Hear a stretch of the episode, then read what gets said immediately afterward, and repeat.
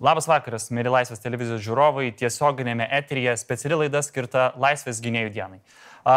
Būtent šią naktį, iš 12 į 13, 91 metais lietuvių tauta stojo prieš okupantų tankus, prieš ginkluotus kareivius, žuvo net 14 žmonių. Neveltui jinai vadinama Laisvės gynėjų diena. Daugelis iš jūsų, kaip ir aš, e, esate gimę jau po tų įvykių ir galbūt kartais mes pamirštam, neįvertinam jų svarbos Lietuvos laisviai, nepriklausomybės raidai ir visai valstybei. Taigi šiandien ateinantį pusvalandį, gal daugiau, kviečiu jūs visus dalinti savo atsiminimais, tėvų pasakojimais, pastebėjimais, kas jums yra sausio 13, kodėl, kas jums yra laisvės gynėjų diena, kas jums yra Lietuva. Uh, Um, ir būtent apie tos nakties istorijas, įvykius pasikalbėsiu su uh, dviem liudininkėm, tai yra nepriklausomybės akto signatarė Nijolio Želytė, labas vakaras, ir su buvusia Seimo pirmininkė Irena Degutienė, kuri uh, tą naktį dirbo Raudonojo kryžiaus ligoninėje Vilniuje. Tai, ponia Žilytė, aš pradėsiu iš karto nuo jūsų. Klausimas yra toksai, kaip jūs, va tokiem žmonėm kaip aš ir dar jaunesniems, apibūdintumėt uh, tas sausio 13-91 metų sausio apskritai tos kelias dienas, kelias naktis, apibūdinkite atmosferą jų. Na, tai aš apibūdinčiau ne atmosferą, aš apibūdinčiau turbūt prasme.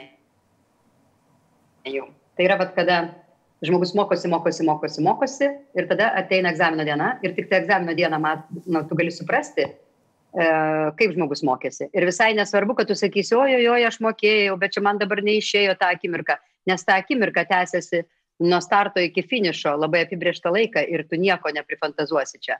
Kaip pasirodai, tai pasirodai. Tai, ką aš mačiau sausio 13, aš tą taip vaizdavausi pilienus. Aš buvau labai nustebus, kada mes mokykloje mokėmės apie pilienus, apie juose susideginusius žmonės, susideginusius tam, kad jie nepatektų į priešų rankas ir nebūtų išniekinti. Vėliau, lankydamas Izraelyje, Mosados tvirtovėje, aš sutikau tą patį, ten visi žmonės mirė badu. Tiksliau, jie turėjo maisto, bet jie užsibarikadavo ir jie pasirinko žūti, negu leisti būti išniekintiems. Ir bet ta pati didybė, ramybė, didybė ir kada žmonės klausia, ar buvo baisu, tai kad nebuvo laiko, kad būtų baisu, nes visi buvo labai užimti savo darbais. Tie žmonės, kurie susirinko aplink aukščiausią tarybą, jiem buvo pasakyta, kad tankai juda nuo televizijos bokštų ir dabar užims parlamentą ir mūsų nepriklausomybės daugiau nebebus. Ir tai, kad žmonės apsupo tiesiog gyvų lankų aukščiausią tarybą, mesgi girdėjom pašnekėsius tarp tų tankistų, kurie buvo e, viduje per racijas vyrai girdėjo, kad jaunesni sakė, aš negaliu važiuoti, ten tiek žmonių, kad bus krūvina košė, aš negaliu, aš nevažiuosiu. Kitas sako, važiuojam, kitas sako, e, vienu žodžiu, jie tenai tarpusavį nelabai sutarė ir galų gale pasitraukė, nevažiavo. Už tai nereikia turėti iliuzijų. Nebūtų buvę jokios aukščiausios tarybos, jeigu ne tie žmonės su mažais vaikais ant rankų. Aš pati mačiau e, moterį, kurią kalbinau eiti namo, su mažu kūdikiu ant rankų, kuri pasiuntė mane į vidų ir pasakė, o želytė, tu negalvo, kad tavo Lietuva daugiau negu mano, tavo vieta ten, mano čia. Todėl, aš sakau, buvom visi veiksme, visi žinojom, kad galim pražūti ir nebuvo kada čia bijoti. Už tai man atrodo, kad tai yra naujausio amžių pilienai, ne ta prasme, kad sudegėm, o ta prasme, kad paukojom. Ir tokio orumo tautos, bet aš dabar stebiu tik tai matau baltarusius. Kada žmonės be jokios agresijos, kada jos puola, kada jos muša, jie nesužvėrėja jie neįpuola į tą pačią būseną, į ką įpuola tie, kurie jos talžo. Taip ir mes prieš rusų okupantus, taigi buvo banditai. Va banditai, kurie šautuvų buožiam daužė žmonės, beginklius, moteris, e, senukus. Ir ne vienas, ne, nei baisių kalbų neapykantos pasakėme iš mūsų, žmonės stovėjo, gėdojo šventas gesmes, tarpusavį dalinosi duoną, pradėjo iš kaimų vežti maistą ir viskas ramybė. Aš tokios tautos kitos, vad mūsų ir baltarusius, aš daugiau negirdėjau naujausių laikų istorijoje, kad kažkokia tauta taip elgtųsi savo kritiniam akimirkom. Nes vis tiek visi paleidžia vadžias, visi paleidžia savo agresiją, prakeiksmus kažkokius, o mes matyt subrendę taip, kad mes elgiamės tik tai kaip žmonės, net jeigu mus puola nelabai žmonės. Pone Degutienė, viename interviu jūs daugeliu kas nežino, aš jau minėjau laidos pradžioje, bet jūs dirbote uh, tą naktį Raudono kryžiaus ligoninėje Vilniuje.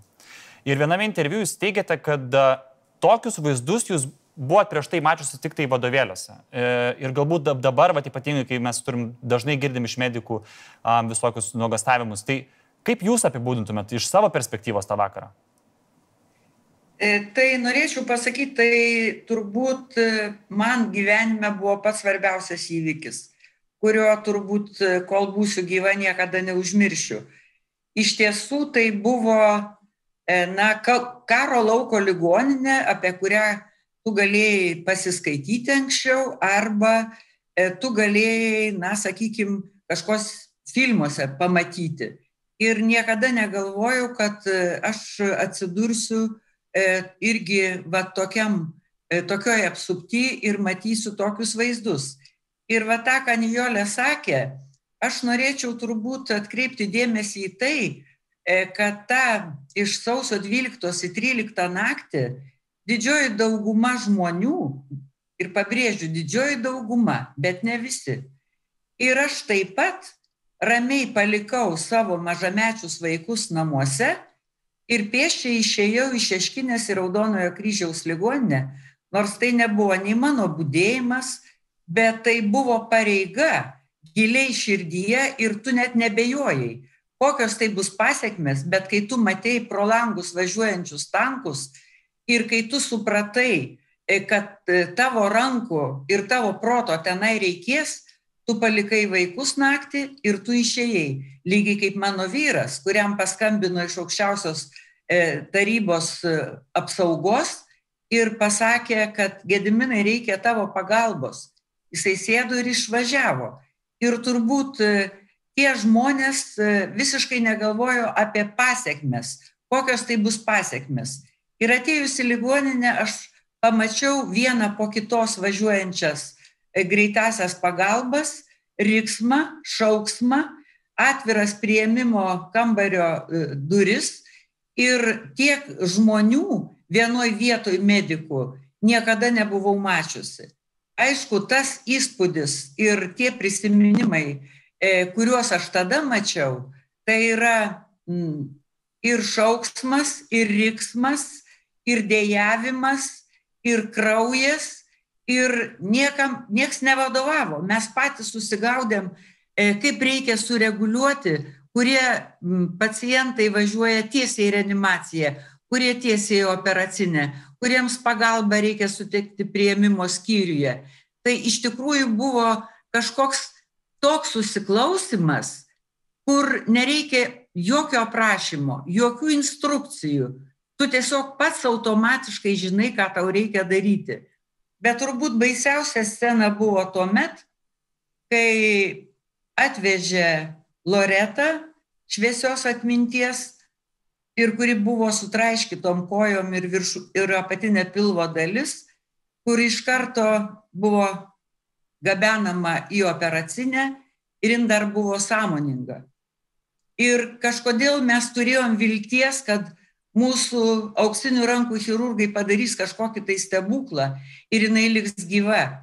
Dabar jau šviesios atminties chirurginio skyriaus vedėjas drasutis e, tikrai irgi turėjo vilties, kad dar jie kažką tai galės padaryti. Bet dėje m, operacija buvo nesėkminga ir ant operacinio stalo ir užgeso. Bet ką noriu pasakyti dar, kuomet antras epizodas kada į prieimimo skyrių įsiveržė du plačiom krūtinėm su tokiom trumpom juodom odinėm liemenėm vyrai, rusakalbiai ir kurie pradėjo šaukti jau tik įėję į prieimimą ir sako, kur jūs jį padėjot.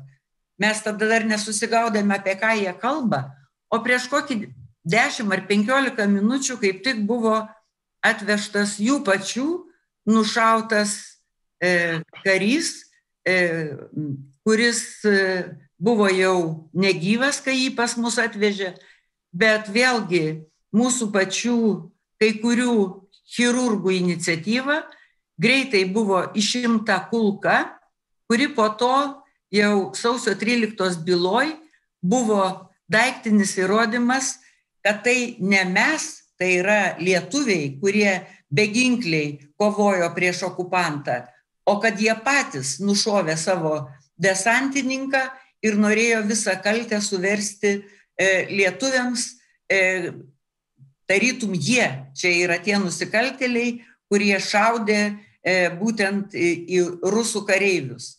Tai iš tikrųjų buvo ir operatyvus mąstymas, susitelkimas, jokio pasimetimo, tik tai tie kraupus vaizdai, jie yra tiek įsirėžę į atmintį, kad jų pamiršti yra neįmanoma, o nupasakoti aš tiesiog turbūt jau nebesugebu.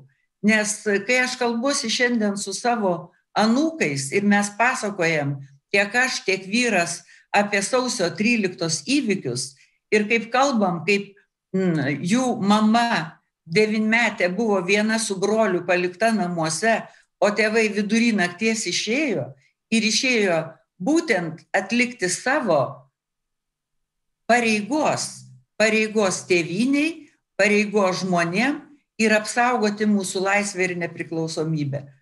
Tai yra nepamirštami įvykiai ir duok Dievę, kad jie niekada Lietuvoje nepasikartotų. Iš tiesų, vienas labai įdomus dalykas, jūs kaip kalbėjote apie Loretą Sanavičiūtę e, ir kitas aukas. Vienas iš sargybos kuopos narių šią savaitę girdėjau, kad minėjo, kad mes galbūt, kad visas kovos už laisvę, čia iš esmės ir buvo ginama laisvė, um, reikalauja aukų. Ir kad tų aukų atminimas uh, gal net kartais geriausiai būtų uh, pagerbiamas, jeigu mes džiaugtumėmės e, tuo, kas jiems pavyko, ką jiems pavyko apginti.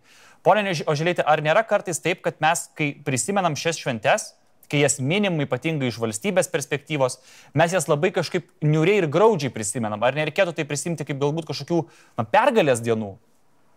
Reikia, kad praeitų laikas. Kol gyva Dariaus Gerbutavičiaus mama, kaip jinai gali tai priimti, kaip kažką tai tokio, kas kas yra kaip pilienai, turi praeiti laikas. Mes visą tai matėm savo akimis, mes e, žinome daugybę detalių, kurios yra nepoetiškos ir ne jokios tenai mm, šventiškos.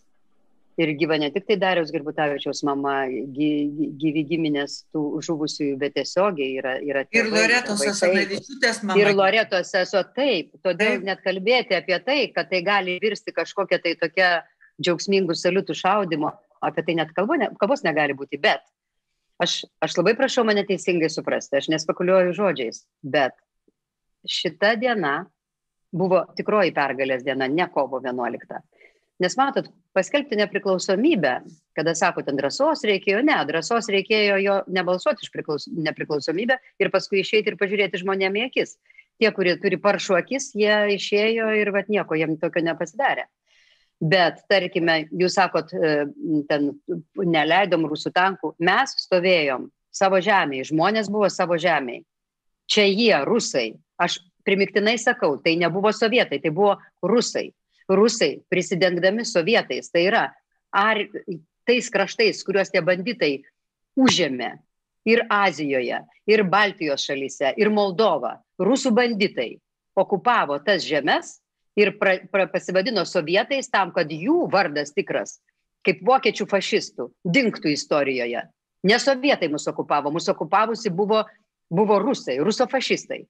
Ir todėl šita diena, jinai yra didžiulė šventė, jinai yra pergalė šventė. Jeigu ne šita diena, ar jūs įsivaizduojate, kas buvo? Aš dirbau užsienio reikalų komitete na, kodėl aš dirbau ne dėl to, kad užsienio reikalus gerai žinojau, bet kada mus išrinko, tai tik tai keletas žmonių mokėjo kalbą iš tikrųjų. Nes mano pačios anglų kalbos mokytojas sakydavo, na, na iškalkite mintinai tekstą, vaizduokit, kad skaitot, negi jūs į Angliją važiuosit. Buvo aišku, kad ta rusų okupacija amžina ir kad nereikės tos anglų kalbos. O aš būdama hipis, aš verčiau Jesus Christ Superstar, aš verčiau bitlų dainas ir aš už tai mokėjau truputį angliškai, patekau į užsienio reikalų komitetą. Ir įsivaizduojat, kas buvo iki, iki sausio jau mes paskelbėm nepriklausomybę, tu nuvažiuoji į Skandinavijos šalis, tave priima aukščiausiame lygyje. Parlamento pirmininkai, prezidentai mūsų delegacijas, su karalium tu pietauji. Ir paskui oficialiai, neoficialiai yra surengamas tokia kabutės pagėrimas, kaip banketas. Į jį pakviečiamas rusų ambasadorius, e, kiti reziduojantis ambasadoriai tose šalyse, iškiliausi politikai, mes. Ir tada pasako koks nors parlamento pirmininkas, kad žinote, nu kad jau ir tas rusas girdėtų. Mes labai palaikome nepriklausomybę, mes tiesiog labai palaikom pat lygiai dabar kaip, kaip Ukrainos. Bet, bet tiesiog kopija. Labai labai palaikom, bet kol kas garsiai mes nieko nesakysim, bet jūs žinokit, kad mes palaikom. Ir po to, kada jau tu lieki dviese gerti kavos ir klausi, nu kaip, kodėl, nu ne dviese, bet tik su tos šalies politikais, jau nebėra jokių svetimų. Ir aš tiesiog kreipdavausi juos, kad būtų taisyklinga angliška kalba, aš kreipdavausi, reiškia, juodų žmonių spiritual su daina, sometimes we feel like a motherless child. Aš norėjau, kad nu, būtų laikai atitiktų, tobulai nemokėjau kalbos. Sakau, mesgi visą laiką jautėmės kaip iš motinos pagrobti vaikai motina Europa.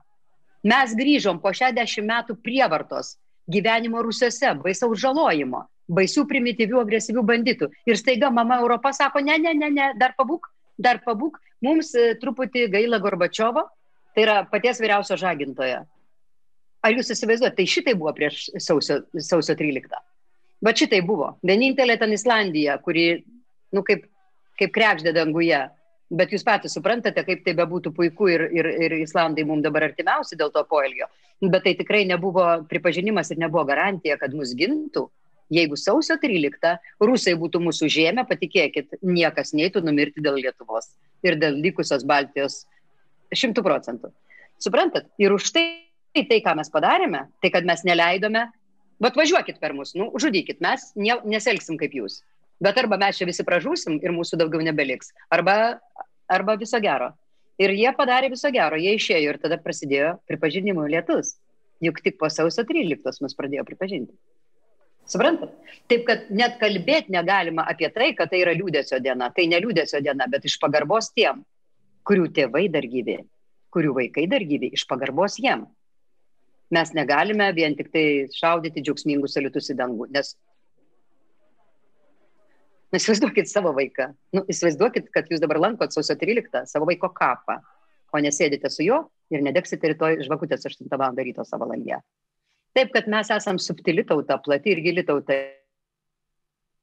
Ir mes mokam suderinti ir laužus, ir didelį pakilimą dvasinį, ir gilio, gilio užuojautą, ir didžiavimąsi tais, kurie žuvo. Bet iš kitos pusės aš jums pasakysiu,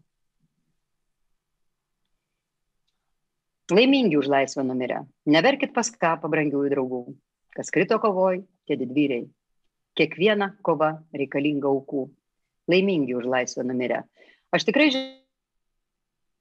žinau, aš palikau 14 ir 9 metų vaiką, dar nežinau, kad laukiuosi trečio vaiko, bet žūti yra garbė. Tik aš pasakysiu vieną dalyką, kartais sako, jie ėjo žūti, tai yra didžiulė klaida. Mes nesavižudžių tauta, niekas neėjo žūti, visi ėjo išlikti visi ėjo būti, visi ėjo gyventi ir visi ėjo laimėti. Bet likimas lėmė taip, kad žuvo būtent tie žmonės. Tai yra garbinga mirtis. Mes visi mirsim, ne vienas iš mūsų neliks gyvas. Aš tikiu, kad žmogus nemiršta niekada, nes mes esam sąmonės energija. Bet vat, to bioroboto atsikratysime. Ir mirti taip tai yra didelė garbė. Tai yra didelė garbė šeimai, kuri iš kartų kartas minės, dėl kokio didžiulio tikslo padėjo galvą jos artimasis. Tai puiku. Ačiū labai. E, televizijos žiūrovai dabar mato tokius vaizdus e, prie Seimo, kur labai daug žmonių ir e, kaip tik dabar vaizdai, kur žmonės dalina arbatą. Man būtent, kai būdavau mažas, visą laiką tėvai pasakodavo apie savo ir savo kaimynų, kaip gamino sumuštinius ir visi vežė prie Seimo arba prie spaudos rūmų. Man labai įdomus dalykas yra, ponia Želytė kalbėjo apie tos beginklių žmonės, kurie ginti laisvės iš esmės. Kaip manot, ar, e, ponia Degutienė, jums galbūt klausimas, Kas motivavo žmonės tokiais didžiuliais būriais? Ar tas nuovargis okupacijos, ar tas laisvės troškimas? Nes būtent ir po to, kaip jau minėjo ponia Žilytė, pamatė tautos ryštą ne, po sausio 13-osios, pasipylė tos deklaracijos, pasipylė e, pagarba Lietuvai. Kas motivavo žmonės e, eiti e, taip drąsiai?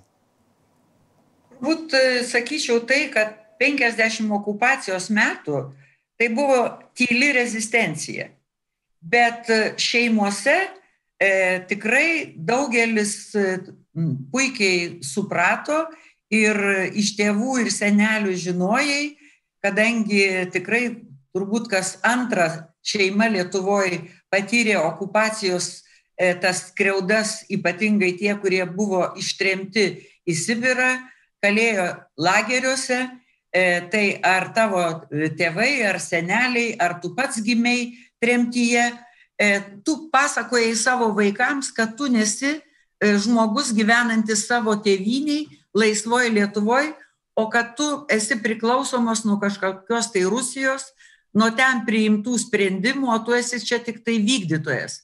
Iš esmės, tu buvai vergu. Tu buvai pavergtoj valstybei ir buvai vergu. Ir tai vis tiek mūsų vaikam ir mums, mūsų kartai, mūsų tėvai įskiepijo, kad vieną gražią dieną turbūt išauš toks rytas, o tuo labiau ar vakaras, kada tu turi ryštingai eiti ir kovoti už taip tą trokštamą laisvę ir nepriklausomybę. Ir čia jau nebuvo individualaus mąstymo, kad ar man tas apsimoka, ar man neapsimoka, ar aš kažką turiu daryti ar nedaryti. E, va tas vidinis šauksmas, šauksmas laisvės turbūt buvo ženkliai stipresnis už tavo kažkokį tai e, kaip individo apsisprendimą pasiimti, pasirinkti teisingą ar neteisingą sprendimą. Nes tas vidinis balsas tau ir sakė, kad tavo yra vienintelis ir teisingas sprendimas. Ir todėl žmonės nieko negalvodami, kaip Nijolė ir sakė, ir su mažais vaikais, ir senukai ėjo ir būdėjo tiek prie aukščiausios tarybos, tiek prie to paties televizijos bokšto, tiek prie Konarskio gatvėje prie Lietuvos radijo ir televizijos. Ir vieni kitiems tikrai buvo tikri broliai ir sesės lietuviai, nors čia norėčiau pastebėti, kad tik mūsų valstybėje gyveno daug ir kitataučių, tai ir Lenkų, ir tų pačių Baltarusų, ir galų gale Rusų, nežinau, Rusų nemačiau prie aukščiausios tarybos lauke, bet lenkiškai kalbančių žmonių tikrai mačiau ir tikrai girdėjau. Reiškia, ir jiems buvo ne tas pats, kokioj valstybei toliau gyventi, nes lygiai kaip ir jų e, Lenkija e, gimtoji, ar gal gimtoji buvo Lietuva, bet siekis tiek Lenkų, tiek Lietuvių, e, tiek tų pačių Baltarusų, kurie dėja tik tai dabar, po jau mūsų atkurtos nepriklausomybės 30-mečio, sugebėjo irgi susiburti į taikius protestus ir kovoti prieš neteisybę, prieš diktatūrą, o mes tada kovojam už savo laisvę ir nepriklausomybę. Ir šiandieninė karta, kuri turbūt gimė jau po e, Lietuvos nepriklausomybės, tai yra 90-91 metų, jie gal net nelabai suvokia. Jie nelabai suvokia, kas ta buvo Sovietų sąjunga, kas ta buvo okupacija, Ir e, tikrai, kai tu pradedi kalbėti su tais vaikais, kurie šiandien galbūt aštuntokai, devintokai, tie aišku, kur vyresni, tai jau jie ir pasiskaitė ir daugiau išmanantis, bet jiems tikrai labai sunku suprasti, todėl mūsų senelių, tėvų pareiga vaikam visą tai pasakoti, pasakoti, kokia mūsų yra didi tauta, kokia mes esam dvasingi, galingi ir trokštantis laisvės. Ir už tą laisvę, kuri yra iškovota, į neduotybę. Bet mes visada turim stovėti laisvės ir nepriklausomybės sargyboj, matydami, kas vyksta. Šiandien tankai nevažiuoja, šiandien plaunamos smegenis.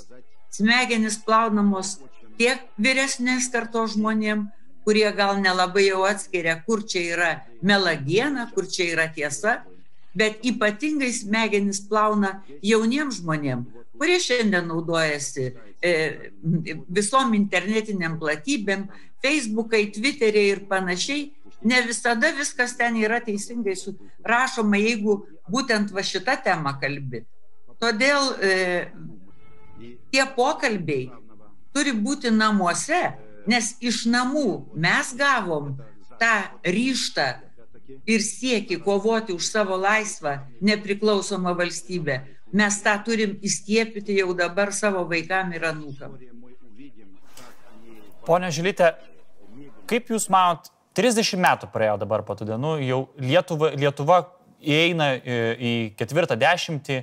Um, kaip Jūs vertintumėt, uh, sakykime taip, visą 30 metį? Aš dabar manau, kad taip kaip gyvena dabar Lietuva, tai dar gyvenime nėra taip gerai gyvenus. Ir tikrai, kada mes, e, ne visi, bet kai kurie nuolat virkauja ir dėjuoja, ir tas negerai, ir kažkas kitas negerai, ir koronavirusas yra labai blogai. Aišku, kad yra blogai, kad tokia yra pandemija, bet ta pandemija yra pasaulinė. Tai yra savotiškas, e, aš pasąmoniai kartais taip ir pamastau, žmonijos supurtimas.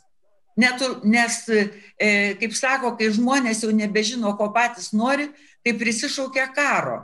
Tai šiuo atveju e, iš tikrųjų e, visi gerai gyvenam. Bet mes dabar, kadangi sienos atviros, važinėjom po visą pasaulį, matom, kaip kiti gyvena, norim save sulyginti, kaip kas gyvena ten Paryžiuje ar Amerikoje ar dar kur nors nors e, iš tikrųjų esam iš e, konslagerio, ką tik tai išėję, 30 metų yra tikrai labai mažai. Ir dėjuoti, kad mes negalim gyventi taip, kaip šiandien gyvena prancūzai ar amerikiečiai, tai tikrai yra nesulyginami dalykai. Bet tiek, kiek mes esam pasiekę per tuos trumpus valstybei nepriklausomybės metus, Tai yra fantastiški pasiekimai. O tas koronavirusas vienai par kitai praeis. Galbūt bus mutacijos, bus kitos atmainos. Mokslas e, žengęs sparčiai į priekį. Tik reikia būti kantriem, reikia šiek tiek daugiau galvoti ne vien tai, o kas man iš to e, ir kaip aš čia išgyvensiu, bet iš tikrųjų žiūrėti, kas aplinkui vyksta. Galų gale, kai e, tie patys medikai gražiai prašo visų, mėly žmonės, labai sunku, labai daug mirčių, mes kovojam už jūsų gyvybės, kaip tada kovojam kai kurie sausio 13 e, naktį. Tai būkit malonus, nu taip nesunku. Užsidėti paprastą kaukę ant veido arba nusiplauti rankas su muilu, arba jas nudisinfekuoti, arba nesiburti į didelės kompanijas. Čia taip nedaug reikia, bet e, mes šiuo metu daugiau tapom individualistai. Kažkaip tai kiekvienas galvojam, o man va dabar nepatogu, o man dabar va negerai, aš norėčiau, kad būtų kitaip. Su viskuo galima susitvarkyti. Žmogus yra labai galingas, o lietuvis yra dar galingesnis. Todėl ir kviečiu nedėjuokim, mm, nesiskūskim, susitelkim, būtim, būkim vieningi, nes tikrai gyvenam labai labai gerai. Pone Žilytė, o ką Jūs palinkėtumėt, sakykime, Lietuvai ir jos žmonėms ateinančius 30 metų? Pirmiausia, palinkėčiau, kad niekada nepasikartotų. Pone Degutienė, aš e, šį klausimą tai e, ponio Žilytį norėčiau adresuoti. Atsiprašau. Ne, Irutė viską, oi, atsiprašau, kad aš taip kreipiuosi. Labai gerai. Bet mes, nu kaip, mes dvasios draugės, mes dvasios draugės. Irutė pasakė mano mintis. O aš tai žinot, jau tą palinkėjimą, kurio aš norėjau, bet tada, dar balsuodama kovo 11, aš taip galvojau, o kas bus? Nes Mozė vežiojo žydus 40 metų per dykumą. Kiek metų mums reikės, reiškia, vaikščioti? Jis vedžiojo, kol numirė paskutinis gimęs nelaisvėje, net jeigu jis gimė paskutinę dieną. Kada bus, kada bus. Ir va dabar jūs kalbate mm, apie tai, e, ką jaunimas, kaip, kaip gyvuoja. Aš prieš e, porą dienų turėjau va tokį pat zoomą su ateitininkais. Ateitininkų amžius buvo rimtas nuo 7 iki 14 metų. Bet suprantat, aš nemoku su mažais vaikais, tai aš galvoju, nu ką čia. Bet kalbam, nu vyriškai. Nes, nu kodėl vyriškai? Todėl, kad apie didelius dalykus mes dar seksistiniam amžiui išaugom su Rena. Tai ir aš taip iš karto uždaviau klausimą jiem, kaip jums atrodo, bet sausio 13 kontekste žmonės stovėjo, e, apginė valstybę, bet kaip jums atrodo, kas yra svarbiau? Ar žmogus ar valstybė? Vaikai 7 metų, tame tarpe ir 14. Ir aš pati galvoju, nu, labai čia gerai tu paklausiai. Ir sako, vaikas, e, gal aš šitai pasakysiu, bet man atrodo, kad žmogus. Sakau, kodėl? Nu, todėl, kad Be žmogaus tai nėra valstybės, juk žmogus daro valstybę. Aš galvoju viešpatė, man reikėjo 60 metų, kad aš savo suformuluočiau šitą, šitą mintį be baimės, nes visi, nu žinot, valstybė, čia mes tiesiog, čia, u, lozungai, aukšti žodžiai, po to praeina tą dieną ir vėl tu, taip sakant, kriuksi. Ir aš supratau, kad pavyzdžiui, valstybė tai mūsų namai, tik tai namai, kuriuos mes surenčiame tam, kad turėtume kur gyventi, kad turėtume kur auginti vaikus, kad turėtume kur mokytis. Nes įsivaizduokite dabar savo šeimas be namų, tik namai ir nieko daugiau. Nereikia numirti už valstybę, už savo vaikų ir savo namus, nes jeigu šeima neturi namų, įsivaizduokite, ką kenčia paprasta šeima be namų. Kažkas priglaus, kažkas paims, niekur tu nesavas, niekur tu nereikalingas. Ir negyveni tu gyvenimo, tu klajoklis, kuris ieško kur prisiglausti. Už tai žmogus. Ir girdėti tai po 30 metų iš 14 mečio lūpų, na, sėdėk ir verk. Nes tai koks mąstymas, koks supratimas. Jie, nu, jie tiesiog brandesni, jie tiesiog kitokie turbūt gimsta, aš nežinau. Jau vien tai, kad jūs jų nevystote kaip mes, metus laiko ten su rankom, su kojom, nes ten daktarai prigrasinę būdavo, kad išsikrapštys akis ir rankas su nagais. O dabar jis nuo gimimo laisvas, gal dėl to.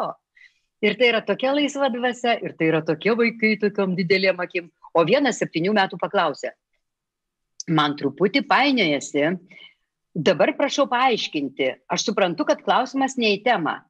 Tai o kelintais metais buvo tas televizijos bokštas, aš tai girdėjau, kad okupacija buvo 41 septynių metų. Pats mažiliukas, gražus kaip angelas.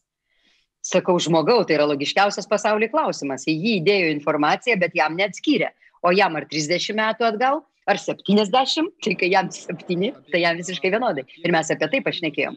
Todėl mano didžiausias palinkėjimas tik tai išlikim tokie. Tik tai neišsivaduokim, neišsigaruokim. Tik tai nepulkim į tą politkorekciją, kada taip kaip rusų laikais geras ir durnas bus sinonimai, rusų laikais geras ir durnas buvo sinonimai. Tie, kurie labai nepatenkinti Lietuvą, tai jie turėtų suprasti, jeigu, jeigu rusai būtų galėję savo tvartę okupacijoje ten, kur mus laikė, žalodami psichiką, išauginti iš mūsų didžius politikus, tai mes per savaitę būtume tą Lietuvą padarę. Bet tada nebūtų reikėję iš tų rusų bėgti. Taip mes nemokam. Taip mes norėjom laisvės, nesuprasdami, kas tai taip mes nesupratom, kad tai yra didžiulė atsakomybė ir kad daug kas palūš po tą atsakomybę, kad daug kas pagrieps pirmą galimybę praturtėti, pirmą galimybę iškilti. Tai yra pagunda žmonių pabėgusių, paleistų iš rūsio, iš rūsio, visą gyvenimą iš rūsio ir tave išleidžia. Ir viskas tavo, ir tu griebi čia, kas arčiausiai, o kiti negrebė, o kiti ėjo ir atėjo iki šių dienų Ir dabar mato štai tokius vaikus. Už tai mes puikus, aš tik linkiu, išlikime tokie. Mes jėga. Mes vienos rankos pirštai, kaip Irutė sakė, kada nereikėjo tartis tarpusavį. Bet kas yra tauta? Tai yra vienas kūnas. Vienas tiesiog psichinis kūnas. Nuvažiuokit pas Amerikos lietuvius, nuvažiuokite pas lietuvius Anglijoje, nuvažiuokit į Bel pas Belgijos lietuvius. Tai yra tokia artima, nu tiesiog, tarp svetimam kontekste tiesiog apkabink su nepažįstam vienos rankos pirštai už tai netgi pačių tokių nepaklusniausių. Neturime keikti, neturime barti, turime savo gerų pavyzdžių rodyti, kad, nu žmogau, nu žmogau, tokioj kompanijoje nesukiaulėk, nes mes tai žmonės. Ačiū labai. Pone Degutienė, jūs dar kažką norit pridurti, kažkokį gal palinkėjimą irgi? Aš tiesiog vieną palinkėjimą tikrai pasirašau po kiekvienu nijolio žodžiu, bet dar vieną palinkėjimą. Tikrai nelinkiu mūsų tautai daugiau niekada išgyventi tokių įvykių, kokių mes su nijolė išgyvenom ir mūsų karto žmonės. Patys kurkit savo valstybę, patys už ją būkite atsakingi ir gyvenkit oriai ir nepamirškit kad laisvas žmogus gali labai labai daug šitam pasaulyje nuveikti. Ir tikrai laikykit įsitvėrę tos laisvės, tos laisvės, kuri yra tiek vidinė, tiek mūsų valstybės nepriklausomos laisvė, kad vėl kažkokie tai rusų tankai ar rusų pėdos ar rusų purvas neplautų mūsų smegenų. Ačiū labai Jums abiems, e, su mumis buvo buvusi, buvusi Seimo pirmininkė Irena Degutienė ir nepriklausomybės akto signatarė Nijolio Želytė. Labai ačiū Jums abiems už prisiminimus ir pasidalėjimus. Taip pat noriu padėkoti visiems žiūrėjusiems. Atsiprašau šiek tiek už techninius nesklandumus, bet viską vėliau rasite YouTube e, švariausiai ir gražiausiai. Ačiū labai, kad žiūrite, ačiū, kad remiate. Nu, visiems, kurie vis dar galvoja, kad prie Ruso buvo geriau, važiuokite ten ir gyvenkit. Iki.